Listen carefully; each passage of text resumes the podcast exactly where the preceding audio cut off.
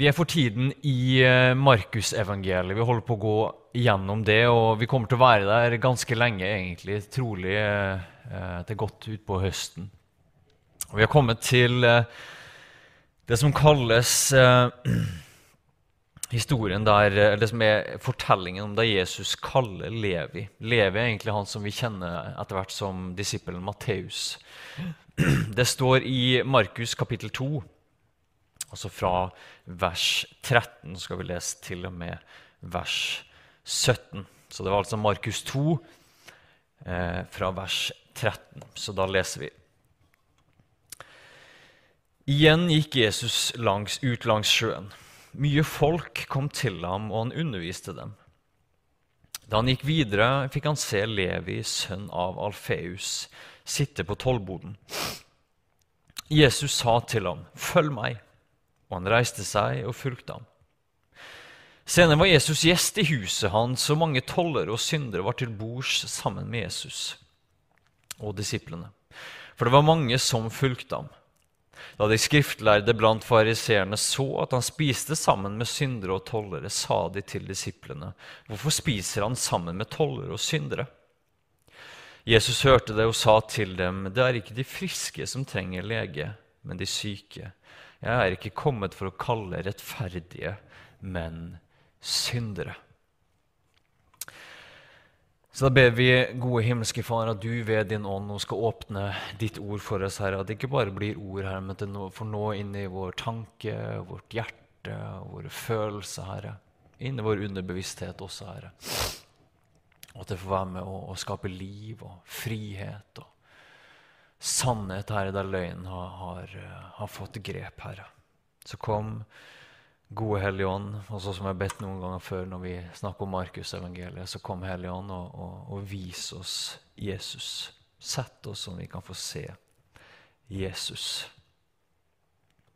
Amen. I Bibelen så står det Jesus kaller Levi på denne eh, fortellingen. Jeg har kalt prekenen preken i dag 'Også tolleren har et navn'. Det er kanskje en åpenbar eh, statement, for alle har jo et navn. Men også tolleren har et navn. Vi har jo noen yrkesgrupper i, også i Norge. Dette var jo tollere, og de fikk en del tyn, for å si det litt fint, eh, under Jesu tid. Men vi har også noen yrkesgrupper i Norge som, som, gjerne kan få litt sånn tyn. Den første jeg tenker på, er fotballdommere. Jeg er veldig glad å se på fotball og, og, og, og spille fotball. Jeg vet det her at I kampens hete så kan det, det, kan, det kan komme noen gloser, og det kan komme litt sånn aggresjon. Det er ingen som mener det personlig, selvfølgelig, men, men, men, men, du tar det ut på dommeren. Du tar selvfølgelig litt på motspilleren, sant? men du tar mest kanskje på dommeren når du får en avgjørelse som går imot deg. Og gjerne liksom, også, og selv, selv jeg, da, som ja, selv jeg, um, som, som, gjerne kanskje vet at, at, jeg, at, jeg, har feil, men så åh, jeg vil at den skal gå imot meg. Så ser du på på fotballkamper, og de får så mye drit slengt etter seg, de her fotballdommerne. Det er, jo, det er jo, helt vanvittig, altså. Av, uh, av, ordbruk på banen og etterpå og i media. Og så står de der ute på intervju etter intervju etterpå og svarer rasjonelt og beholder roen. De aller fleste i hvert fall. Så creds til alle fotballdommere som, som, har en sånn enorm uh, tålmodighet og rasjonalitet i møte med alt det her. De må ha en, uh, en stor hvilestyrke og en enorm glede for spillet. En annen yrkesgruppe er jo parkeringsvakter. Jeg tror de fleste her inne kan rekke opp hånden ja, hvis du har fått en parkeringsbot eller, eh, eller, noe i nærheten av det, at du har vært litt sint på noen parkeringsvakter. For du ser dem, sant? og så ser de åh, der kommer han og legger den gule lappen på bilen min. Ja, men jeg sto i bare fem minutter, jeg skulle bare inn og ordne, jeg skulle begynne å kjøpe blomster til min gamle bestemor. eller hva det var, sant? Og så kommer de, så vet du også gjerne at de også har rett. og Du har gjerne ikke lest skiltet riktig, men, men, men de får mye tyn parkeringsvakten. Er liksom noen det er lov å bli sinte på. Dette er jo selvfølgelig overfladiske eksempler i forhold til det som vi møter i dagens tekst. Da møter vi tollere. Eh, og Det kan ikke sammenlignes med verken fotballdommere eller parkeringsvakter. Men hvis vi har en, en parallell som kanskje treffer oss nordmenn litt mer, så må vi kanskje tilbake til andre verdenskrig. Når den tyske okkupasjonsmakten tok Norge, så var det jo også da eh, en god del av det norske byråkratiet som også fulgte med, og som fra den, fra, fra, fra den første dagen jobba for norske myndigheter og norske interesser, og så dagen etterpå jobba for tyske interesser. Og så har vi nå i filmatiseringen av den store forbrytelsen, som, som jeg ennå ikke har sett, men som jeg tror er virkelig verdt å se, der du får et innblikk, hvis jeg forstår det riktig, hvordan statspolitiet bidrar til rett og slett jødeforfølgelse i det landet her, så er liksom, det er en veldig sånn tydelig, tydelig, rolle. Men kanskje i bakgrunnen der så har du norske byråkrater. Og se det for deg hvis du, hvis du levde under, under andre verdenskrig, og så, og så um, kom det norske byråkrater i nazistene sitt navn og konfiskerte eiendom eller kutta ned på, på rasjonen som familien din fikk eller innskrenka friheten din. Du ville kjent et sinne, du ville kjent en harme. Dette er mine landsmenn som for første nå nyter godt at de står i maktposisjon. De er forræderske fordi at de identifiserer seg og jobber for okkupasjonsmakten. Og de er feige, og de er usle. Eh, vi kan alle forstå de her følelsene. Og Noe av det samme tror jeg vi kan si at, en, at den, den, gjengse jøde følte overfor tollere. For tollere de jobba for okkupasjonsmakten. Eller kanskje enda mer direkte så jobba man for det her eh, herodianske dynastiet. Herodes var jo, var jo eh, konge, men, men, på en måte backa opp av romerne. Og så satt de der, så krevde de inn skatt fra herskerne. Og så kom de, og så var de også gjerne upålitelige og krevde mer enn de egentlig hadde rett til. Og akkurat i Kapernaum, der, som vi nå er her i teksten, der, der ligger den byen akkurat på, på, grensen mellom det som var og Her kommer det litt, eh, litt, litt, navn, men akkurat på grensen til det som var på en måte eh, Herodes Antipas sin del av, av Israel. Og så hadde broren en annen del av, av måte, Israel. Eh, og akkurat grensen der, der lå Kapernaum. Når du kryssa den grensen, så var det sånn som det er eh, enten når vi krysser grensa, eller så, videre, så måtte man betale en toll. Og Der satt Levi på tollboden og krevde inn toll. Og så kommer du, så hadde du kanskje opplevd da, når du bodde der som jøde, at for det første så opplevde du kanskje at du tidligere ikke måtte betale toll når du kryssa den veien. Men for det andre så opplevde du nå at det var noen som representerte okkupasjonsmakten, som kom der og krevde toll ifra deg. At du måtte betale. Og den krevde kanskje mer enn du, det, det, du syntes var rimelig. Og ikke bare var de da utstøtt sosialt, men de var også utstøtt på en måte politisk fordi at de hadde eh, satt seg enig med fienden, okkupasjonsmakten. Og Her sitter altså Levi og krever inn toll. Vi vet ikke hvorfor han har denne jobben. Vi vet ikke om han, om han sympatiserte verken med romerne eller, eller, eller, dynastiet til, til, Herodes, men han sitter der. Kanskje var det ikke eh, andre jobber ledig, vi vet ikke. Men han sitter iallfall der på, på tollboden og får mye drit. Mye mer enn fotballdommere og parkeringsvakter. Det er ikke for at vi skal synes synd på Levi eller, eller Matteus, som han heter senere. Men det er for å få et innblikk i hvilken situasjon han var i. Så får vi da vite at Jesus, som da har vært i Kap Kapernaum en stund, han kommer. Og så, og så hører vi denne setningen at, at Jesus ser Levi. Der han var vant til å få dritt slengt etter seg, sinte folk, mest sannsynlig med rette. Eh, folk som så ned på han. Det var jo ikke, en, altså, det var jo ikke som at tollere hadde det dårlig, de var gjerne, gjerne, rike mennesker, men de var også utstøtte. Så står det denne setninga at når Jesus kommer, så ser han Levi. Han ser Levi. Han ser ikke bare tolleren, han ser mennesket Levi.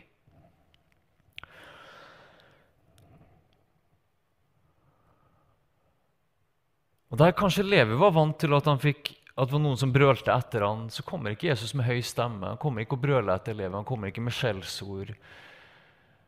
Han kommer, og så ser han mennesket. Kanskje er det første gang at Levi opplever Iallfall når han sitter på tollboden, at noen ser han som et menneske. Jeg vet ikke om du har det sånn øh, men jeg, vi har, jeg, jeg tror i hvert fall at vi har alle noen sånne episoder i, i barndommen der vi opplevde oss litt sånn sett. Enten det var læreren på barneskolen eller det var en onkel som var ekstra god. Så har vi noen opplevelser der å, jeg følte meg så sett. Jeg har en sånn, og Det er en helt sånn enkel eh, hendelse som gjerne har skjedd tusen ganger før, men som akkurat da traff meg. Og det var bare en enkel fotballtrening noen av de beste spillerne var, var, vekke, så jeg, noen, jeg, var alltid sånn midt på treet. Men da var det, på en eller annen måte så hadde jeg en god dag. og det var en fotball, Han som vanligvis trente oss, var heller ikke der. så var, Det var en annen vikar som var til stede, men med god peiling på, på fotball. Så husker jeg Han tok meg til siden og så ga meg noen skikkelig sånne oppmuntringer. Så så han meg inn i øynene, så brukte han navnet mitt. Og den følelsen av å bli sett, den følelsen kan jeg hente opp den dag i dag. Jeg var kanskje ni-ti år når det der skjedde. Hvis du har vært i en sosial setting sånt, og, og, du kommer tilbake og du ah, vet hva, jeg følte meg så sett. Det treffer, Alle kan skjønne det, for det treffer noe så dypt i oss. Det, vedkommende så meg, jeg følte meg så velkommen, jeg følte meg så sett som menneske for den jeg er. Ikke for historien min, ikke for merkelappene mine, men for den jeg er. Eller motsatt, når vi kommer ifra hva skal det være, en fest eller en sosial setting, eller vi har vært sammen med noen. Og vet du hva, jeg, følte meg helt usynlig. Det var som at ingen, ingen så meg. Det, vi, vi, kjenner alle det. Det, det er nesten ikke noe som, som, stikker så mye som det. Var, det var nesten som jeg var luft. Og så ser vi i den teksten her da, at Jesus ser Levi. Og Bevisst så går han inn og så bryter han grenser. Og, og for, De foregående søndagene har vi, har, vi, har, vi, sett på historien om Jesus som, som konstant bryter grenser. Han bryter grenser når han, eh, når han eh, berører den spedalske. Den som ropte 'uren, uren'. Og Som han ikke skulle ha noe å gjøre med Jesus helbrede, og ikke bare helbrede, men han tar på den spedalske, som egentlig ifølge loven skulle gjøre han, Jesus sjøl, uren, men så den spedalske som, som blir ren. Så han, så han bryter grenser for å nå inn til mennesket bak spedalskheten. Så bryter han grenser igjen i møte med den lamme som ble heisa ned for Jesus, Jesu føtter, som vi så sist søndag som både hadde sosialt stigma pga. at han var lam, og dermed gjerne ble, ble sagt at han var en synder. Så bryter han grenser, for ikke bare helbreder han mannen, han sier også dine synder er deg tilgitt, noe som var forbeholdt Gud, eller som også var forbeholdt ritualene i tempelet eller presteskapet. Jesus bryter nok en gang grensa for å nå inn til mennesket. Og nå så gjør han akkurat det samme. Han bryter gjennom grensa gjennom merkelapper som samfunnet har satt på. Nå er det kanskje enda mer sånn sosialt. Jesus lar seg ikke stoppe, og, og nå er det, nå er det tollere og syndere som er i fokus. Og så, og så går han fram til Levi som sitter på tollboden og sier han, 'Følg meg!' Og Det har vi alle sikkert stussa over. De forlater jo tingene de, de, de, de, slipper omtrent det de har i hendene, og så følger de Jesus. Jeg tror Jesus må ha vært like, nei, nei, Levi må ha vært like overraska som mange av dem rundt ham. Han sier 'følg meg', og så sa han det til Levi. Og Det får meg jo litt sånn til å tenke i mitt eget liv også. Hvorfor er det at jeg bruker merkelapper på mennesker? For jeg, jeg, tror vi alle gjør det. Jeg gjør det sjøl inkludert også. Ja, der er en toller, der er en synder, der er en som er god, der er en som er ond, der er en som er snill, der er en som er flink, der er en som ikke er flink. Og vi, vi gjør jo det her på alle måter. Ja, nesten sånn helt underbevist. Iallfall gjør jeg det. Og Så blir jeg så utfordra, for at Jesus han gjør ikke det. Han er så radikal fordi at han er ute etter mennesket. Bak de her merkelappene så, så er det ransakende for meg sjøl. For jeg lurer på hvorfor er det at jeg bruker merkelapper. Og så spiller jeg noen sånne episoder i, i, hodet mitt. Jeg husker igjen er banalt, men jeg husker gjerne også når i tidlige ungdomsår Jeg har jo selvfølgelig slutta å gi merkelapper i voksen alder. sant? Men så husker jeg at jeg, på en eller annen måte så knakk jeg litt sånn tidlig denne koden med å lese Bibel og be. Og så husker jeg noen andre som kom, og jevnaldrende som sleit litt med å lese Bibelen og ikke fikk det hele tiden, så husker jeg denne gode følelsen. Ah, jeg får det til. Jeg er ikke som vedkommende. Selvfølgelig, Det vi ser i den teksten, her er jo mye mer dramatisk, men det skjer jo helt på mikronivå også. Den gode følelsen som vi alle kan kjenne. vet du hva? Åh, jeg føler meg litt bedre fordi at jeg er ikke som vedkommende. Jeg føler meg litt bedre fordi at jeg er ikke som naboen. Jeg føler meg litt vedkommende fordi jeg snakker ikke så stygt som vedkommende. Altså, det kan være tusen eksempler, men de merkelappene her hagler. Og På en måte kan det kanskje være uskyldig for mennesker. Vi, vi har et veldig behov for å, for, å, måte, for å, generalisere litt og for å overforenkle litt for at, for at, det skal, ja, for at det skal gå litt fortere rundt i hodene på oss. På en måte er det uskyldig, men det blir veldig lite uskyldig når vi har med mennesker å gjøre. For jeg tror det Jesus er med på å ta tilbake for oss i denne teksten. Det er veldig mye, men det er bl.a. at alle er skapt i Guds bilde. Bak merkelappen toller, bak merkelappen spedalskhet, bak merkelappen synder, bak enhver merkelapp så finnes det et menneske skapt i Guds bilde. Og Jesus er radikal for å nå inn bak det mennesket. Og han bryr seg heller ikke om han sjøl må ta på seg det stigmaet eller den merkelappen som gruppen er prega av.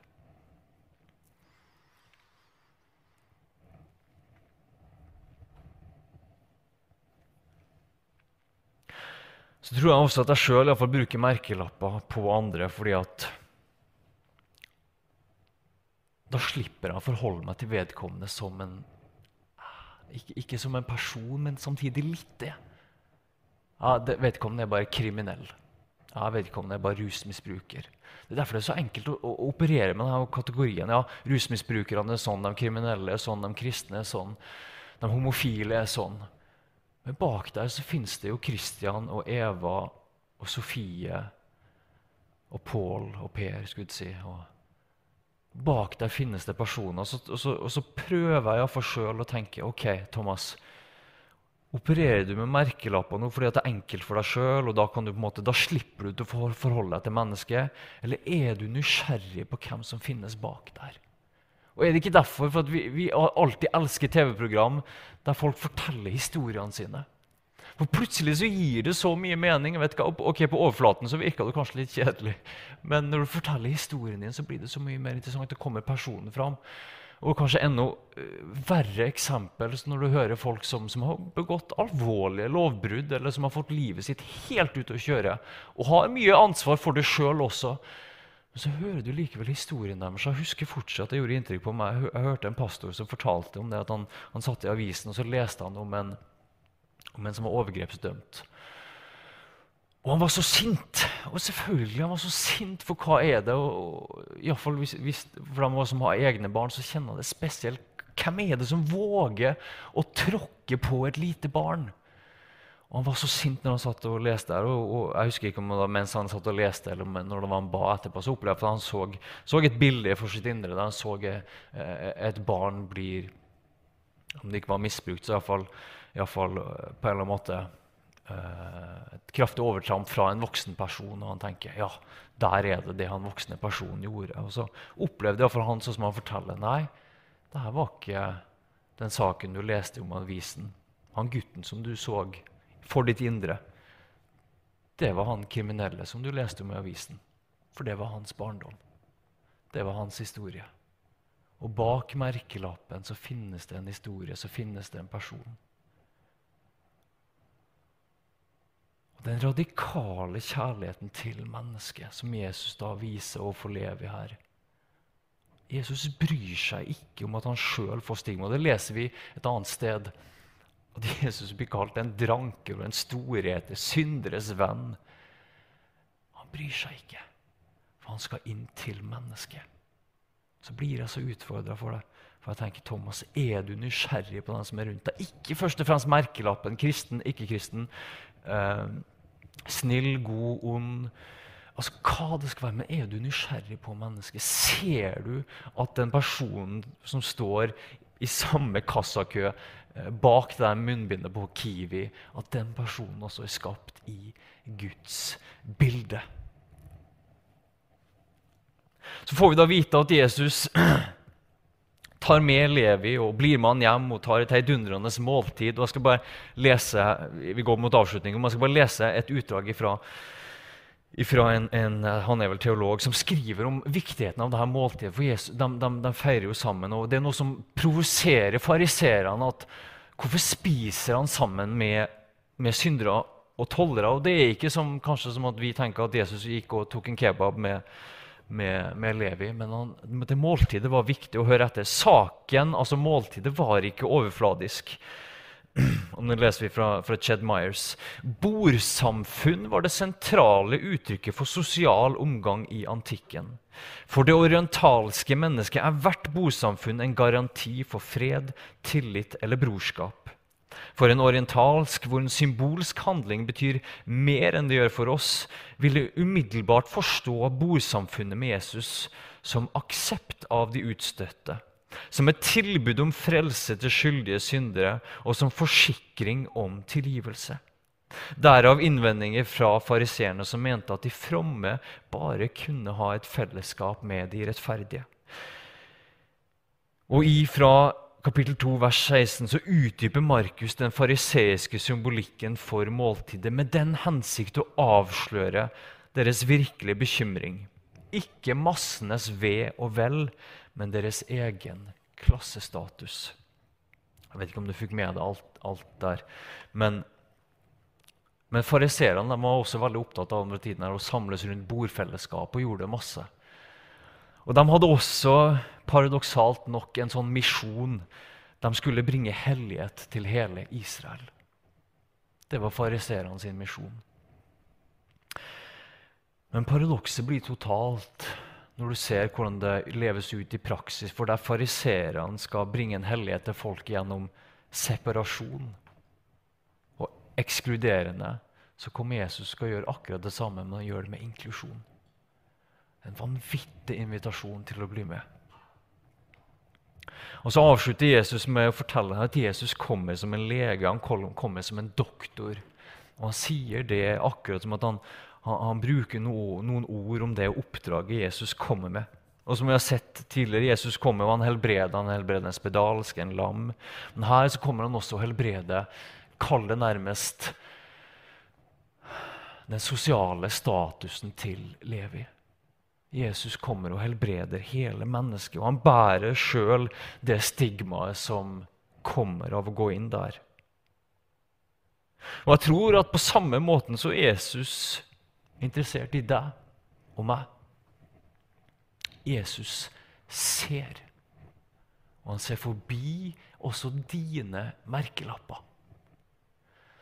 Han ser forbi de merkelappene som andre har klistra på deg. Noen sitter kanskje litt godt, noen sitter veldig godt.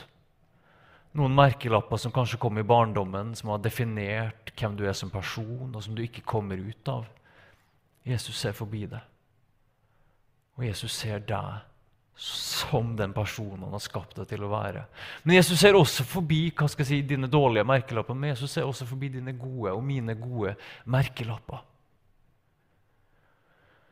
Og akkurat som Levis tror jeg vi kalles når vi møter Jesus, til å gi slipp på merkelappene våre. Enten de er onde og, og det andre som har klistra dem på oss, og de ikke er sanne. og vi må, vi må slippe dem og vi må reise oss fra tollboden og gå. Men vi må også slippe de her gode merkelappene. Hvis vi har merkelapper ja, vet ikke, jeg er god. Jeg er en veldig snill og god person. Eller jeg er flink. Eller jeg vet ikke, jeg er, jeg er en som ikke gjør sånn og sånn. De merkelappene må også gå. For Jesus sier da det at det er ikke Jesus er ikke kommet for å kalle friske han har kommet som lege for å kalle dem syke. Han har ikke kommet for å kalle, kalle rettferdige menn syndere. Det er ikke de friske som trenger en lege, men de syke. Jeg er ikke kommet for å kalle rettferdige menn syndere. Og her kommer det paradokset. At skal vi møte Jesus som lege, så må vi innrømme at vi er syke. Og Skal vi oppleve at vi trenger Jesus sin rettferdighet, så må vi si vet du hva, jeg er ikke rettferdig. Og så kommer det her paradokset at når vi dør, så finner vi liv. Kommer paradokset at når vi, når vi gir slipp på vårt eget, så får vi. Kommer paradokset at når vi tar opp vårt kors og følger Han, så erfarer vi livet. Det kommer paradokset at det er gjerne ikke i våre gode sider at vi alltid skal lete, men vi, vi kan også tørre å se på våre skyggesider, våre mørke sider, og finne at Jesus også er der. At det er i vår død at vi finner liv. Så Jesus ser deg, ikke dine merkelapper. Og han kaller også meg og deg til å se hverandre. Noen ganger greier vi det overhodet ikke, enten fordi vi er travle eller fordi det er tusen ting i hodet vårt. Men kanskje kan vi stoppe opp og så kan vi si og det, det, Paulus bruker det her ordet, at vi kjenner ikke lenger noen på menneskelig vis når vi, når vi kjenner Jesus. Men da ser vi noe mer. Vi, vi ser ikke på andre mennesker sånn som vi gjorde før, men vi ser noe mer. Vi ser Kristus i hverandre. Vi ser der er også et avbilde av Gud. Da mener ikke det på en sånn naiv måte at ja, ja, uansett hva folk gjør, så omfavner vi, og så, og så inkluderer vi osv. For noen ganger så må man ta ut avstand. Det er noen som ikke kan en ting er oppføre seg, men det er noen som skader andre. og, da, og det, alt der. Noen ganger så kan man ikke være nære folkegang, med til, til og med fra avstand så kan man si at du er også akseptert for at du er skapt i Guds bilde. Så gode himmelske Far, vi takker deg for at du er den som ser, Herre. Du er den som ser forbi våre merkelapper, dem vi setter på oss sjøl her, og dem som andre har satt på oss, og du er den som ser andre, Herre. Så hjelp oss, Herre, å se, se forbi. Og være nysgjerrig Herre, på andre, andre mennesker og se ikke lenger på menneskelig vis, Herre, men se sånn som du ser. Amen.